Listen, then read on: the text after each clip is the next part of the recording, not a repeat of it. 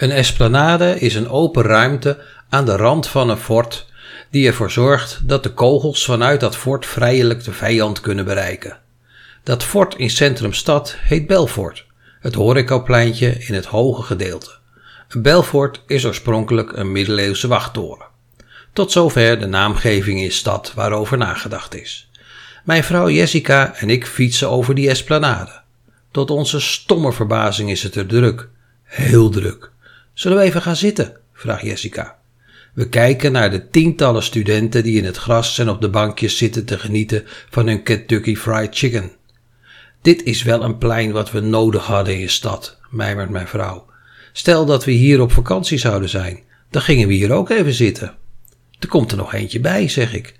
De stadhuispromenade tussen de bibliotheek en het stadhuis wordt ook een groen pleintje met een enorme bank. Jessica knikt, het mocht even duren, maar nu wordt het toch iets hier in Almere. Ze tuurt over het water. Maar die betonblokken aan de overkant van het weerwater, jammer van het uitzicht.